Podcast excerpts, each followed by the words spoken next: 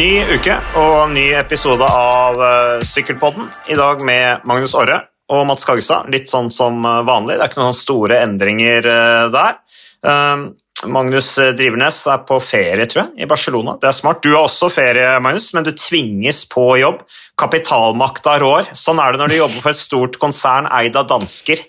Da, da brytes alle regler jeg hadde jo håpet at du, som en, eh, jeg ser på deg som en venn mer enn en kollega, hadde liksom hatt mm. forståelse for at nå er det ferie, så da lar vi folk være i fred. Men um, den gang ei. Nei, men det er jo litt det du er inne på der, da. At jeg, treng, jeg trenger noen å snakke med. og en annen ting, det er jo liksom omsorg overfor deg, da, Magnus. Du, altså, hva, hva skjer? Du, du, du visner jo helt hen hvis du ikke skal gjøre noe i hverdagen. Det er jo sånn det er. Det er jo sånn med arbeidsledige òg, som bare sitter hjemme det skjer jo ikke noe utvikling da. Du må jo, du må jo stå på. Du må jo eh, jobbe. Ellers så, ellers så blir jo alt borte. Det blir jo ikke noe mestringsfølelse av det. Jeg sto opp kvart på åtte på feriedagen min dag for å bytte dekk på bilen, så det er mm. sagt. Og nå klokka ti. Kvart på elleve. Ja. Så jeg har gjort masse i dag, faktisk. Ja, ja, ja. Nei, men Vi skal ikke snakke noe mer om ferien din og hva du driver med i ferien. Men det som er mer interessant, er jo da å snakke om sykkel. Um, nå fikk ikke vi vært på superpokal i helga. Det syns jeg er et arrangement som er fantastisk eh, flott. Sykkelcrossrittet som eh, går på Sagene i Oslo. Der var jeg vel i fjor, så vidt jeg husker, med ungene. Jeg har vært der et par ganger. Men eh, i år så var det jo kommentering av bane-VM som gikk foran. Du var ikke der du, Magnus. Du var vel på et eller annet sted, på en eller annen reise? Ja, en av mine mange reiser. Så jeg var ikke til stede, dessverre. Mm. Men det er et kult arrangement nå, så um, jeg har alltid tenkt at jeg må prøve å få det med meg. Men det kommer alltid på feil tidspunkt på året. Så, ja. Men du har ikke deltatt noen gang, har du? Nei, nei, er du gæren. Liksom i, i master oldis-kategorien? Nei. nei. Men jeg syns det er veldig hyggelig å være der og se på. Utrolig gøy. Flott løype og bra stemning. Så nå har ikke vi noen resultater derfra, men vi kan jo dra en kobling over til vår egen satsing på sykkelcross. Der er fullt i gang med worldcupen fra åpningsrittene i USA. Eli Isirbit eh, som herjer i toppen i herreklassen, og van Empel som eh, ser ut til å regjere i toppen i dameklassen. Så der er det på en måte benchmark satt når de kommer over til Europa og skal møte litt sterkere motstand der. Når får vi se eh, van Art og van der Poel på gjørma i år, da?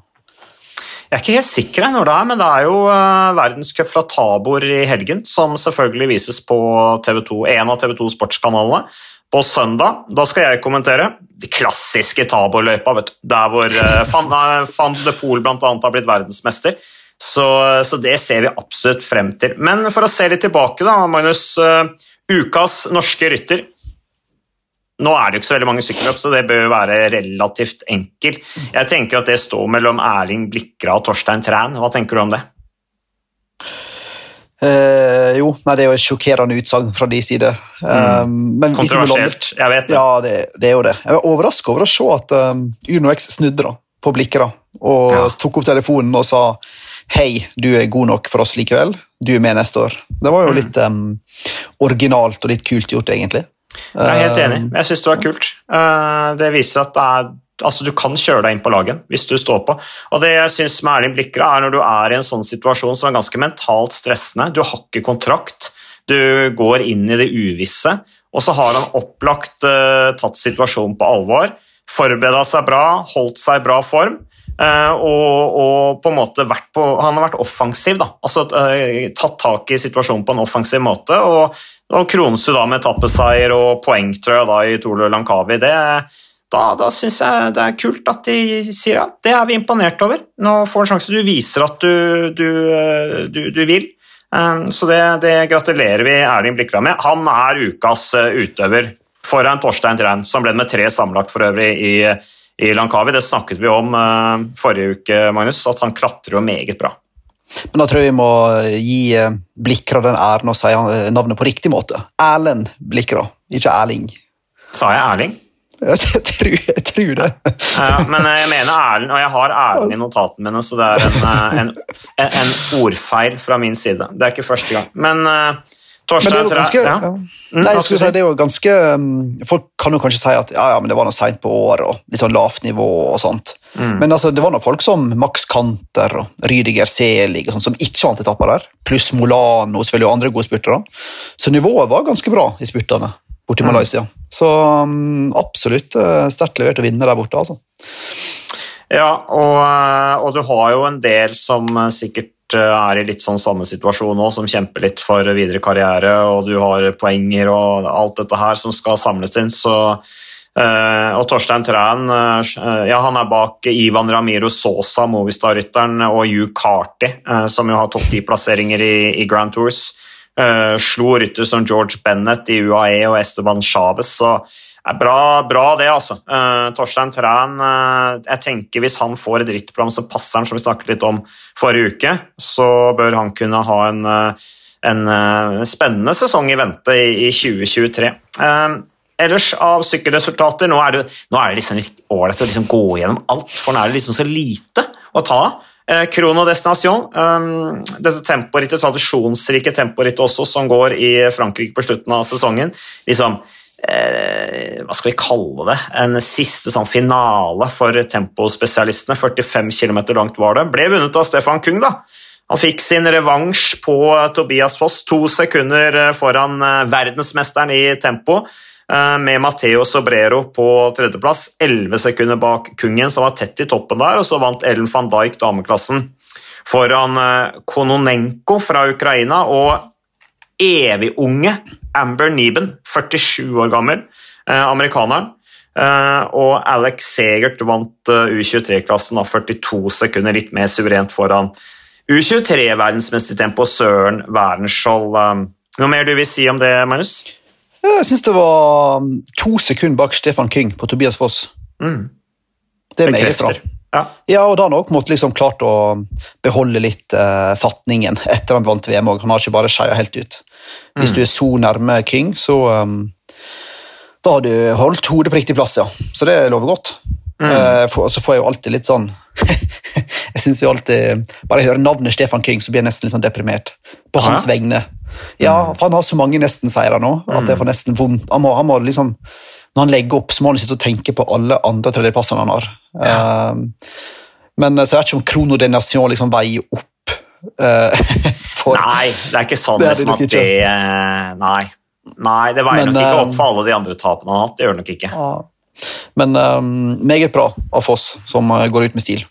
Eh, litt tynt på damesida der, må jeg si, når jeg så den startlista. Men, um, Og Amber Neben er jo ja, Når du er 47 år gammel, så bør du kanskje ikke kunne hevde deg helt i toppen heller, tenker jeg. da. Det er ikke nødvendigvis et styrketegn, men, um, men, men. Sånn er det. Ja. Uh, Amber Niben uh, Nei, hun, det er jo det eneste hun kan nå. Det er tempo, liksom. Hun kan ikke noe annet. Eh, men at Ellen van Dijk vinner, det er jo for så vidt eh, fair enough. Eh, hun, hun er en av verdens beste temporyttere, opplagt. Men veldig bra Tobias Foss med bare to sekunder bak Stefan Kung. Det viser liksom at det er ikke noen tilfeldighet at han vant i, i Wollongong. Så han bekrefter høyt nivå på tempokjøringen sin der. Tobias Foss, hvis noen skulle være i tvil. UnoX de har sendt sin søknad om å bli World Tour-lag i 2023. Um, det har vært snakket lenge om, at det er målsettingen. Det er en garanti for å kunne være med i Grand Tours og alle de aller største rittene. Det er jo ingen tvil om at uh, UnoX sikler etter plasser bl.a. i Tour de France. Um, det gir en enorm eksponering som gir uh, valuta for, for pengene. Men det er 21 herrelag da, som har søkt om lisens på øverste nivå, men det er kun plass til 18. Uh, det er fem kriterier for å bli Virtual-lag. Det går på økonomi, etikk, sportslig, administrativt og organisering. Uh, vi er, ganske, vi er 100% sikre på at UnoX er kvalifisert på fire av de kriteriene, men de er ikke kvalifisert på det sportslige. De har rett og slett for lite resultater, for lite rankingpoeng.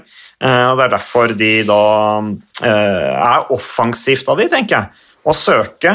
Eh, og Magnus, eh, er det, hva tenker vi? Er det, jeg kan ikke nok om prosessen, men er det egentlig noe vits å søke om Virtual-plass når du ikke er, er eh, kvalifisert da, på det sportslige? I sykkelsportens eh, eh, Skal vi si eh, eg, spesielle praksis, der absolutt alt kan skje, og lag legges ned og plutselig ting forandrer seg, så er det absolutt lurt å søke, tenker jeg. Det er som du sier, det er jo ingen vei inn. Med mindre noe uforutsett skulle skje. Mm. Men hvis da et lag plutselig får en sponsor som ikke kan betale, eller uh, den etiske uh, kravet som Astana av en eller annen grunn tilfredsstiller, ikke lenger gjelder. Mm. Altså, det er jo mange ting en kan utsette på ulike lag. Da.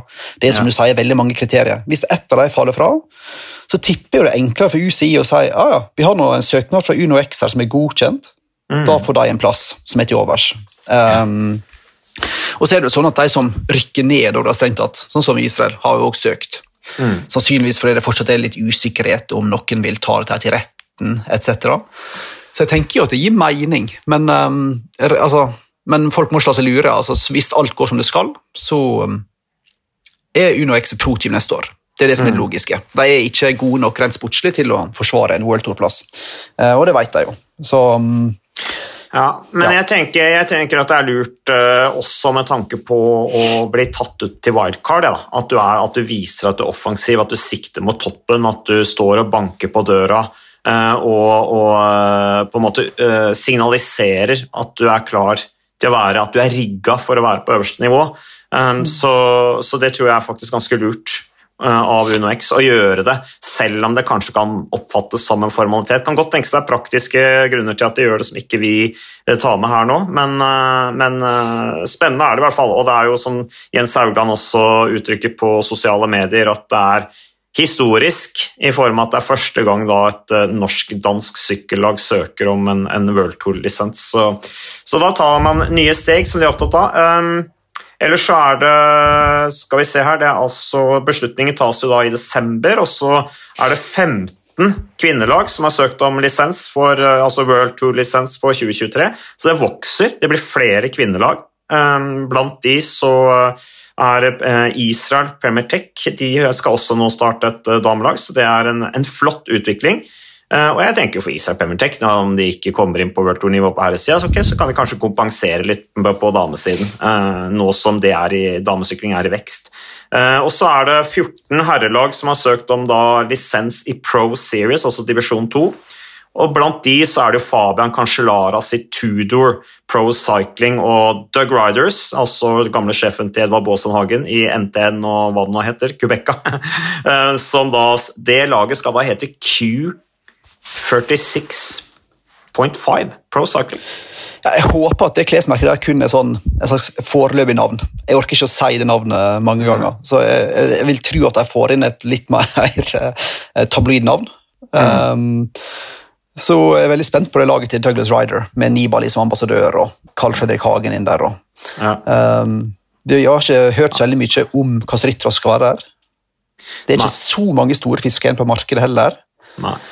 Og så er jo Douglas Ryder en verdens hyggeligste fyr, men mm. han er vel um, Det var vel ikke for særlig snilt, så var det ikke alle ryttere på lagene som syns han alltid gjorde en veldig god jobb. Mm. Så jeg er veldig spent på slags, hvordan det nye laget skal se ut. da. Um, spent på det Tudor-laget til Cancellara, som jeg har hørt ganske lite om. egentlig. Mm. Det skal visstnok være en del um, skandinaver på veien der. Eriksson-brødrene, blant annet, ifølge ja. våre danske kolleger. Så, Fra rival? Mm. mm. Alexander Men, uh, Kamp. Alexander Kamp, ja, ikke minst. Mm. Uh, så det er fortsatt en del som skal skje på overgangsmarkedet, da, med begge de to lagene, som fortsatt har sikkert 15 plasser igjen å fylle. Mm. Når det gjelder det eh, navnet som er inne på, altså Q46.5, det kan jo være at det er en annen måte å si det på. Men uh, alt som har med Q å gjøre, det minner meg om QAnon. Jeg hadde liksom styrt unna det nå. Det er konspirasjonsteoribevegelsen i USA som sier at Hillary Clinton er en del av en sånn underbevegelse bestående av eh, eliten i samfunnet med, med da journalister, fæle folk, eh, skuespillere, Hollywood og ikke minst politikere som da spiser små barn til frokost og utnytter de seksuelt. Eh, det er da QAnon, hvis dere ikke vet hva det er. Ellers når vi er inne på fæle ting eh, og sykkel, Mario Cipollini 55 år er evigunge Cipollini blitt nå. Han er altså dømt til tre års fengsel i retten i Lucca for partnervold mot ekskona Sabrina Laducci og Silvio Giusti.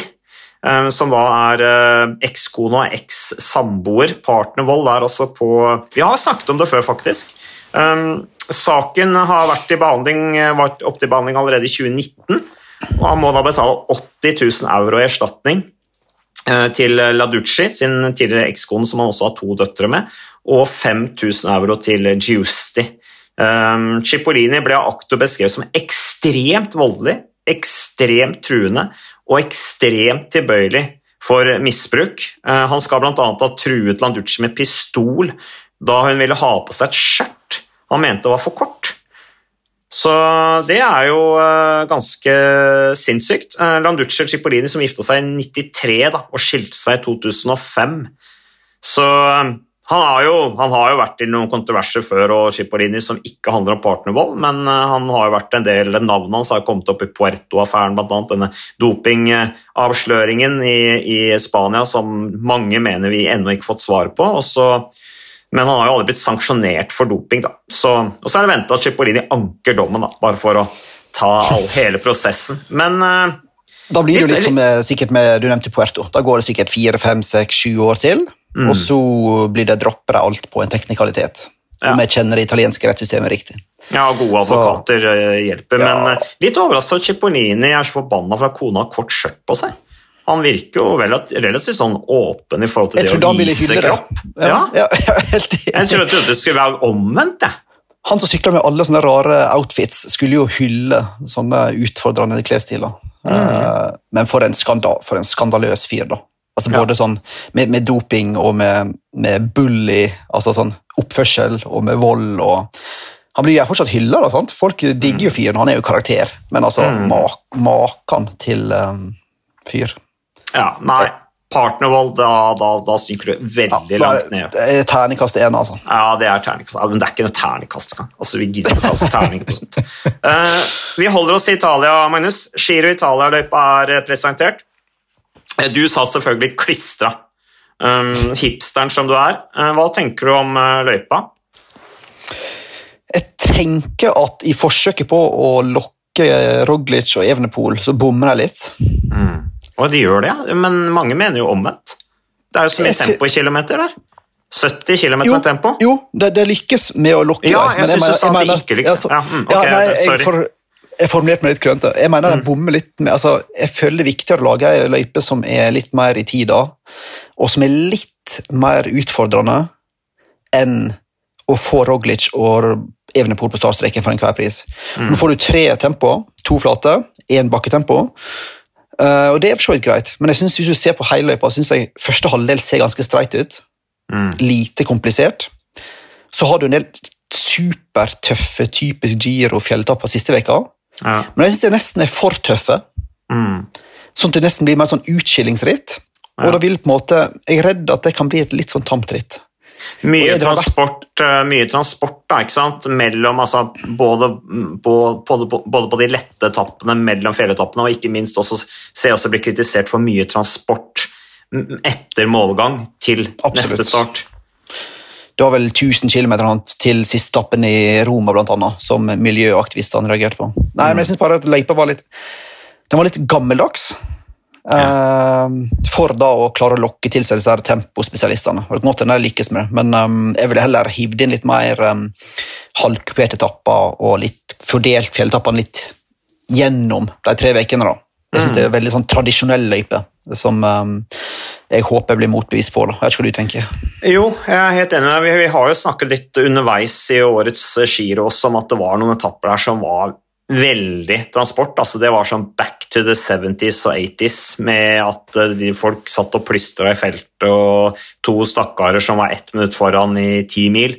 Um, og det, de, de, sliter litt med å fornye seg, syns jeg, giroarrangørene. Og det henger litt sånn igjen, det at de, det var en periode de skulle gjøre det så sinnssykt hardt. At de liksom skulle bli spektakulære ved å gjøre det umenneskelig for rytterne, nesten. Uh, men, men, jeg syns at de nesten burde henge seg litt mer på det vi ser i Tour de France og Spania rundt, med nettopp litt mer sånn eh, halvkuperte etapper hvor du, man er litt i tvil om det blir massespurt eller ikke. Eh, og som åpner opp for pensjørene til å gå i brudd. altså Hvis først bruddet har gått, så er det veldig vanskelig å hente det. Der, der, virker det som om i Giro Italia tviholder på en måte en, en, en meny som, som, de opplagt tror på, men som jeg er litt usikker på om henger helt med i utviklingen, og om det er det publikum vil ha. Fjelletappene er spektakulære nok, men problemet også er når de er så harde da, at alt handler bare om å spare krefter før du kommer i fjellene. Ja, jeg er helt enig. Uh, du får sikkert Geraint Thomas til å sykle der, men har du, er Geraint Thomas og Primoz Roglic de store trekkplasterne? Jeg er enig at hvis du får Evenepool, så er han det. Mm. Og klart Du klarer ikke å lokke Pogacar og Vingegård all den tid de har en rematch i Tour de France. Det blir vanskelig. Mm. Men um, ja, nei, litt sånn uh, lunken mottagelse der. Men um, nå har vel Evenepool sagt at han har bestemt seg for hva slags Grand Tour han skal sykle. Ja. Men Han skal ikke avsløre det før i januar, men alt tyder på at det har blitt giroen. da. Um, mm. Så får vi um, Han vinner fort den. Ja, og det ville vært fantastisk uh, for han og utviklingen mm. hans. Og en bekreftelse av Spania rundt seieren, og at han ikke har vært som Patrick Lefebvre sier det finnes ikke noen forbannelse over VM-trøya. Forbannelsen er alle festene man må på i etterkant. Eh, så, så, vi får jo se om eh, Evenepool lar seg friste, eller om han eh, holder fokus og trener som bare det. Litt mer sykkelnyheter. Det er jo stort sett sykkelnyheter vi kommer med, så det er ikke noen sånn overraskelse, det. Men det er mye overganger som skjer, da. Nederlenderen, unge nederlenderen med det klingende sykkelnavnet David Dekker 24 år gammel, sønnen da til Erik, ikke i slekt med Thomas Dekker, som vi snakket om i forrige podkast for øvrig. Eh, han eh, kan vi si, Faren hans har vunnet fire etapper i Tour de France, han har vunnet Amstel Gold Paris Tours, San Sebastian var proff fra 1992 til 2006, hele tiden i samme organisasjon, det som nå er eh, Jumbo Visma. Men sønnen Erik, da, 24 år gammel, han har to år i Jumbo Visma og går da over til Arkea Samsic for de to neste årene. Eh, fra nederlandsk til fransk lag der også. Han har, han har, noen enkelte gode resultater, men ingen seier i de to årene han har vært proff. Og startet jo karrieren veldig lovende med to andreplasser i UAE-tour i fjor, hvor han også vant poengtrøya. Men eh, jeg tror at det kan være ganske bra signering av Arkea Samsic. Veldig bra, og jeg er veldig mm. overraska over at han fikk, fikk, lov til å gå. Jeg tenkte jo med hans um, slektskap, som du nevner, og mm. nederlandsk historie, og hans utvilsomme talent, trodde han skulle bli værende der. Så jeg er helt overraska over at de slapp han. Men jeg føler kanskje at jeg har nok med Olav Koi og, og flere ja. andre der. da. Men, det er ikke um, plass til han, vet du. Altså, han, nei, han, har jo ikke vunnet noe heller, da. Altså, jeg nei, tror at det er veldig nåløye i Jumbo Visma altså, på de spurterne hvis ikke de vinner. Men jeg tror det er kjempesignering av Arkea. Um, og jeg tror nok Movistar heller skulle kjøpt han enn Gaviria, men noe, hvis vi først skal ha en spurter. Apropos overganger. Mm, ja. ja. det er jo en av de store selvfølgelig overgangene, men det har vi vel snakket en del om i Sykkelpodden. Vi er jo litt forut for uh, nyhetene her på Sykkelpodden, det må vi bare si. For nettopp fordi at vi baserer oss på rykter. Så, det er ikke dumt, det. Nei, det er ikke dumt. Men uh, Gaviria Det skal jo bli spennende å se da, om uh, Movistar uh, har mer suksess med colombianeren Gaviria enn de hadde med colombianeren Den forrige colombianeren. De, de, har, de, har, jo suksess med søramerikanere i Movistar, så det er noe de kan. men han er bare på ettårskontrakt, da, Gaviria. Ja, akkurat det jeg skulle si. Jeg tror det er veldig lurt å hente han på ettårskontrakt. Det er mm. vel ingen syklister som har floppa mer de siste fire åra enn Gaviria. Med tanke på talent. Var helt ja. der oppe, vant etappa i Tour de France i 2018, gul trøye, Paris Tours, en haug med ting. Mm. Siden det Han ble jo et sånn medisinsk unikum da han fikk covid to ganger på tre måneder i begynnelsen av pandemien, og så fikk han covid en gang til, og så har han mm. trent nok, visstnok, og så er det bare rør. og så... Ja. ja fyren plutselig 28 år gammel, han som, han som hadde hele verden på sine føtter. da. Mm. Merkelig karriere. Ja. Så jeg tror det er lurt å bare gi han ettårskontrakt og så håpe at jeg kan være med og presse han til å gi alt for å overbevise. Ja, Noen ryttere presterer best under press, det er ikke noe tvil om det. Så eh, det er smart av Movistar, tror jeg. De har, de har gjort noen bra signeringer nå. Altså Ruben Greier òg, som de henter ut av kontrakten fra EF Easy Post. Uh, portugiseren som vant klatretøya Giron for to år siden og vant dette Mont Ventour Challenge i sommer, så gutten kan klatre som bare det. Men eh, brøt Tour de France pga. sykdom, da det er jo et stort tap for EF eh, e Easy Post. Absolutt. Og igjen så er jeg overraska over at den overgangen skjedde. Det har vært snakk om lenge, men det må jo ha skjedd et eller annet på, i kulissene der som gjør at han velger mm. å bryte den kontrakten. For han har vært en god rytter. Tatt ja. store steg, syns jeg, siste åra. Mm. Um, så um, det er en god signering for uh, Movistar, som endelig kanskje begynner, ja, som du sier, å få litt orden på rekrutteringa. Ja, puncher Gureiro, Han er bra i det eh, litt sånn eh, kuperte, lekende terrenget hvor du går i brudd og fin avslutning i sånne mindre grupper. og Offensiv type. Setter farve på rittene. Tenker Han i samspill med Aramburu, Garcia Cortina og flere andre der, i kupert, mm. ritt. Meget bra stall. Mm. Ja, da mangler det bare ja, ja, endelig, endelig. Så det er bra. det er bra. Um, ja, apropos overganger, eh, Mark Cavendish, vi har jo også snakket om han. Uh, det er jo ennå ikke bekrefta, men vi fortsetter å påstå at 37-åringen skal til Jérôme Pinot sitt BNB Hotels, som uh, sannsynligvis ikke skal hete BNB Hotels uh, lenger. Det er vel snakk om Amazon France, kanskje, og også Ville de Paris, altså rett og slett Paris by eh, lokale myndighetene i Paris, eh, som vel kanskje har noe med promoteringen av Paris-OL å gjøre. Men hvis, det som du sier, det har vært snakk om mange sponsorer sant? Det der er jo to store sponsorer. Mm. men, men, hvis et så dårlig sykkellag la oss være ærlige, som BHB, ja. klarer å lokke til seg Amazon og Paris by som sponsorer, mm. da er det en del andre store lag der ute som må se seg litt i speilet og spørre liksom, å ja, hva vi har drevet med. da? Mm. Altså Hvis Amazon kommer inn, det er jo et kjempenavn. Ja. Um, de bør da... hente Jérôme Pinot. Det ville ja. vært en kjempesignering for ethvert sykkellag. Så mannen kan business. Han har nettverk. Eller noe hvem det er som hjelper han med disse sponsorene. Ja. Det vet du ikke. Men eh, jeg er helt enig Men Det høres nesten, høres nesten for godt ut til å være sant. Så jeg er litt mm. spent på hva som blir presentert den der um, Er det 26. oktober? Dagen før Torfannsløypa? Mm. Mm. Ja. Um, Cavendish, da, uh, som uh, visstnok kommer gjennom da dette nederlandske agentselskapet SEG, um, SEG, kall det hva du vil, uh, som også er et uh, utviklingssykkellag. Um, og samme selskapet, altså Agentselskapet står også bak overgangen til Nick Schultz, som kommer da fra Bike Exchange. Veldig god rytter, Nick Schultz.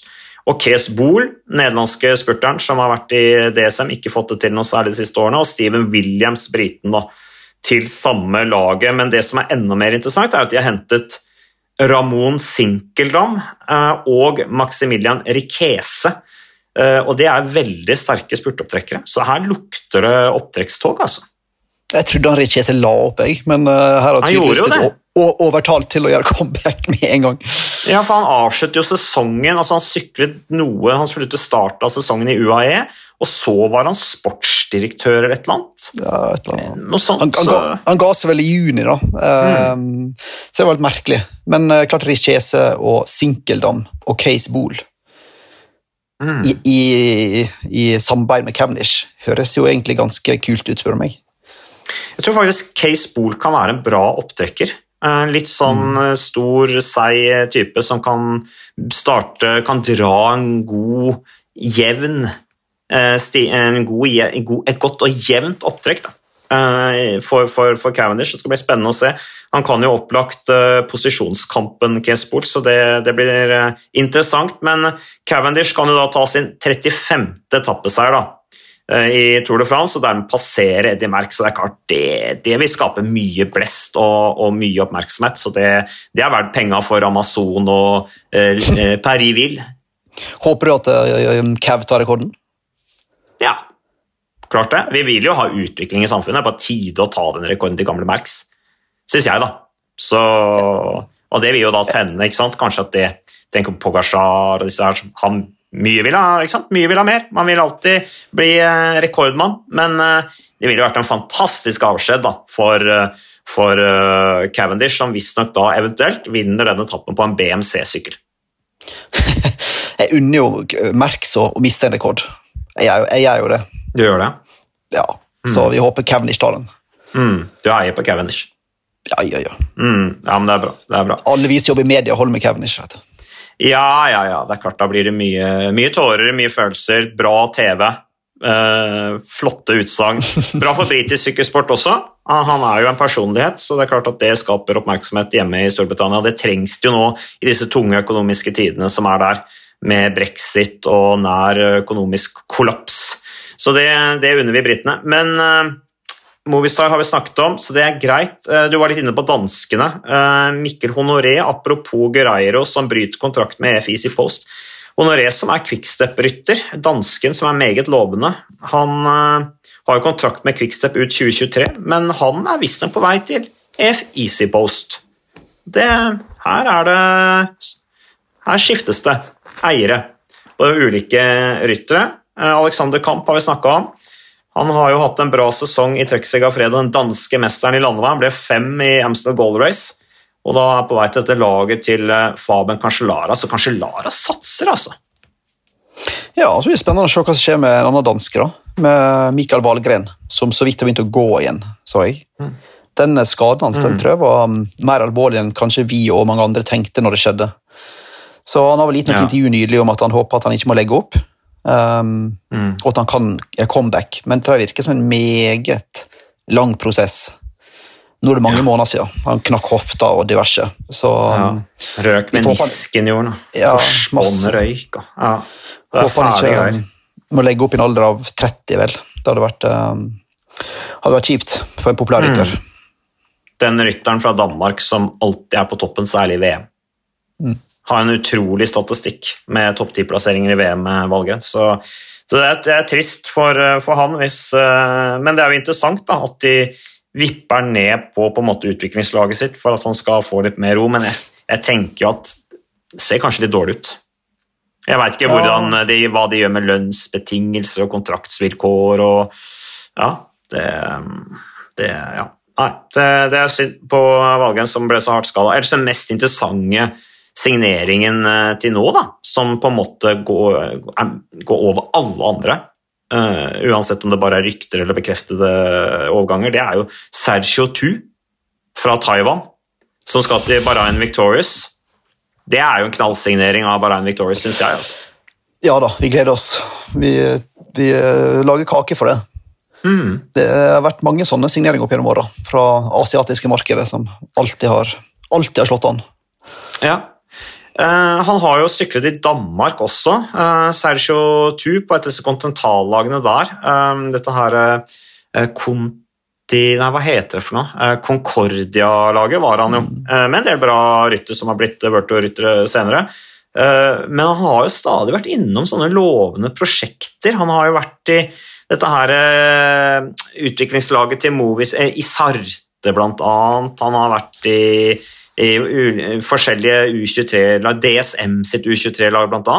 Eh, men han har jo bare en annenplass fra, det, fra U23, asiatiske U23-mesterskapet, er det vel. Eh, så, så, hva er det som gjør at han hele tiden blir satset på særskilt? Han, han er sikkert kjempehyggelig fyr og talentfull, men jeg, jeg liksom lurer på Kan det være en del av pakka til utstyrsprodusentene? For det produseres jo veldig mye sykler i Taiwan.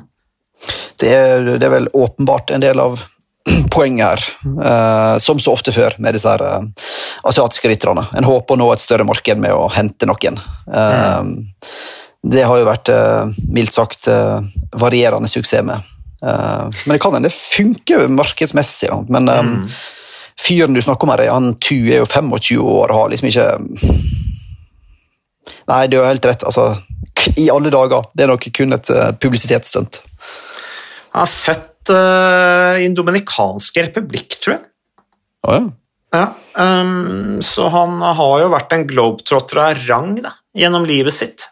Så det er ikke rart han trives på sykkelen. Uh, vinglende mellom ulike lag, alt fra danske til nederlandske til spanske til nå Bahrain eller Midtøsten. Så det skal bli interessant å se om eh, Bahrain er det som gjør at han får eh, et løft på karrieren sin, men uh, vi, vi holder se. pusten. Vi holder pusten i spenning. Vi kommer tilbake til Sergio Tu senere i 2023. Um, ellers angående utvikling, Rival Cycling, det danske kontinentallaget, de slår seg sammen med Leopard, det utviklings- eller kontinentallaget fra, fra Luxembourg, som jo en gang var et World Tour-lag. Det det på en måte uh, var et lag som ble hvor de hentet masse ryttere fra, og støtteapparat også fra CC, eller Saxo Bank, uh, back in the days. Og det var visst ikke noe sånn veldig pen overgang fra, fra en del av, av troppene som da forlot Bjarne Riis. Skal da sammen lete etter en sponsor, da, disse to, dette sammenslåtte laget, som skal føre laget opp på nivå 2 da, i, fra 2024. Og kjøre dansk laglisens med 14-16 ryttere. Rival som ble startet i 2009 som Team Concordia, Eh, og hadde to sesonger på Pro Series-nivå i 2018. Nei, 2019 og 2020, med bl.a. nordmenn August Jensen, Christian Aasvold, Sondre Holst Enger har vært der, Sindre Lunke og Christer Hagen, uh, som da er ute av rivalsystemet. Og så har du Leopard Pro Cycling, hvor, Bob Jungers, Alex Kirch, Jan Hirt og Mauro Schmidt har kommet gjennom. Så det, de har produsert mye bra ryttere. Um, noe du har lyst til å legge til der? Nei, det, det, ditt innlegg støttes. Ja, det var en, det god, var en god uh, gjennomgang, egentlig. Da klubber vi det gjennom den, og så ja, går vi over på neste sak. uh, det er Thomas Stigent. Litt statistikk på slutten av podkasten. Det skylder vi folket. Um, han har, er altså den I 2022 så er han den rytteren med flest rittdager. Han har vært mest på jobb, rett og slett. Fire dager mer enn eh, to ryttere som ble likt på andreplass. Og hvem er det? Jo, selvfølgelig Alexander Kristoff. Han puster Thomas Digent i nakken når det gjelder antall konkurransedager i 2022. På likt, likt plassert da med Danny van Poppel, de har like mange rittdager. 85 dager hver har eh, Danny van Poppel og Alexander Kristoff. Thibaut Pinot er nummer fire, så det er liksom de eldste gutta. da som kjører mye sykkelløp, de trenger å konkurrere mye.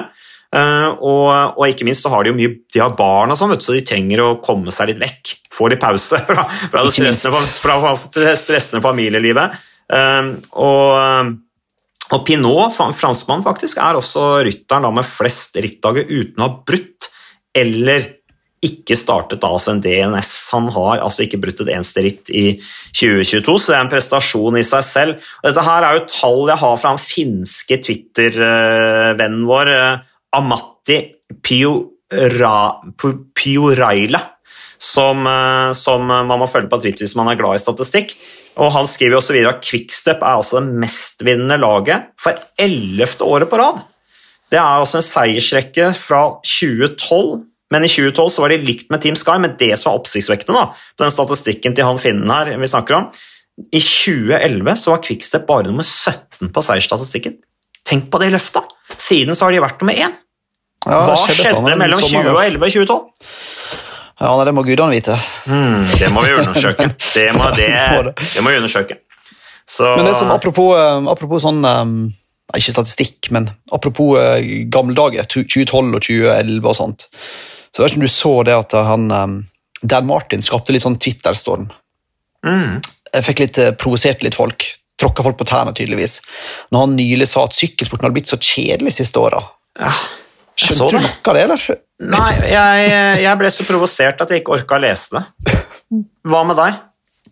Nei, jeg leste det, men jeg skjønte ikke helt hva han mente. Han mente at det var kun Pogacar som liksom skapte litt kaos, men nå var det kun mm. roboter og får kun beskjeder på øret og ser kun på, på sykkelcomputeren og ingen spontanitet. Og så tenker jeg, Hvis det er noe vi har snakket om de siste tre-fire åra, så er det vel det at det endelig har kommet mer, og du har van Art og van der Poel og Pogacar og alle disse her Evenepool. Bare angriper hytt og pin, og finalene starter 200 km før mål. og Nei, Jeg skjønte veldig lite. av. Nei, Jeg er sikker på at det ikke er et sitat fra deg, Martin, som er fem år gammelt, eller seks år gammelt. liksom. Som de har, Oi, shit, dette var jo egentlig et gammelt sitat. Vi kan ikke lage en sak på det i 2022, liksom. Nei, det var helt merkelig. Sånn, Dan Martin er jo en kul type, men ja. um, kanskje, han litt, kanskje, han bør se litt, mer sykkel. Ja, nei, Det overraska meg veldig, for jeg snarere tvert imot. altså De siste tre årene så syns jeg det har endra seg. Um, og man lurer på om de ser på computeren sin i det hele tatt. liksom. Altså, ha, ha, Har de ingen begrensninger? Ha, har de computer? Ja, ser ikke på, altså, er ikke, er, Skjønner ikke hva som er i ferd med å skje? liksom? De er i ferd med å kjøre seg fullstendig tomme. Dette er jo helt vilt. Hva van Ert den første uka i Tour de France altså, Hallo! Du har to uker igjen av rittet. liksom. Du skal kjøre hjelperytter for Jonas Vingegård, og du skal bevare den grønne trøya, og så går du på sånne sinnssyke stunt. Nei, så helt uenig med Dan Martin i den påstanden. Da er vi enige. Ja. Så, så, det. Men kult at han uh, uttaler seg, da. Sier det han mener, det skal han ha. Så ellers, uh, Magnus, nå er det håp for høye ryttere også på tempo. Nå er jeg spent på hvor du skal. Ja. Det er håp for lange ja, ryttere på tempo. Stakkars disse høye rytterne som er over 1,90 høy. Eh, nå kommer det endelig den regelendringen alle høye ryttere har ventet på. I 2023 så gjør UCI det lettere for høye ryttere å tilpasse sykkelen sin. Tidligere alle skal med. alle skal med, ikke sant? Dette her er solidaritet på ypperste nivå. Tidligere måtte alle kjøre med maksimal lengde, da på 100 mm på tempobøyla, da fra underarmstøtten til enden av, av bøyla.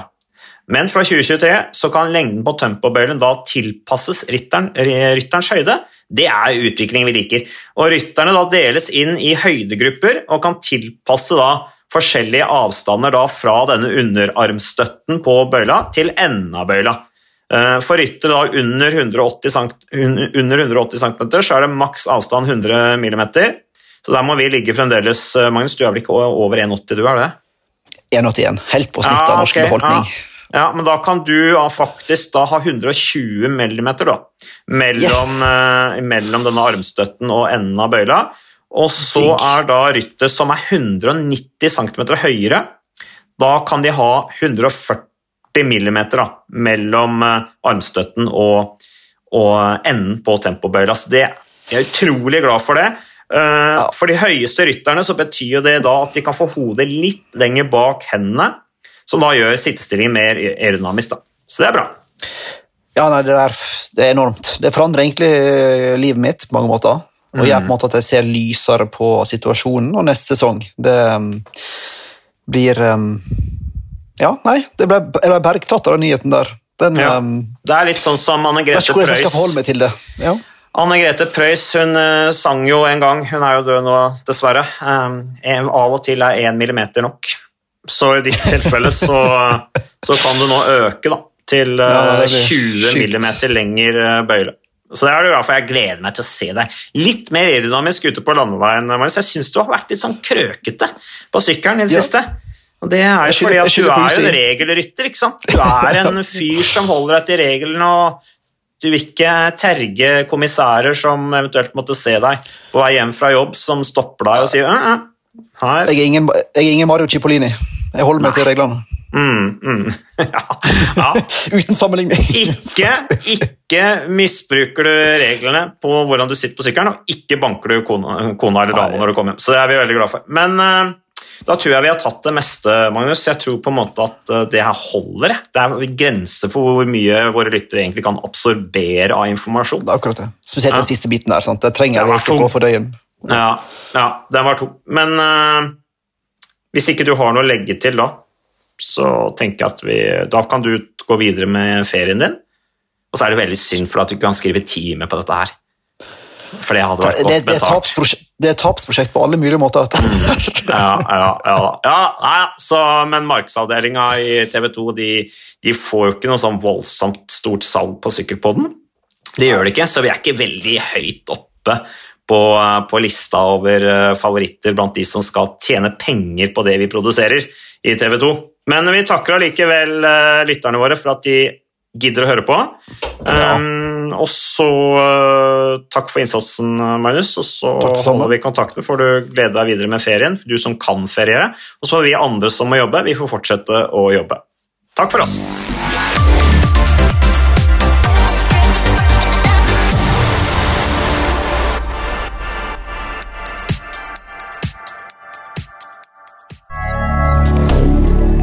moderne media.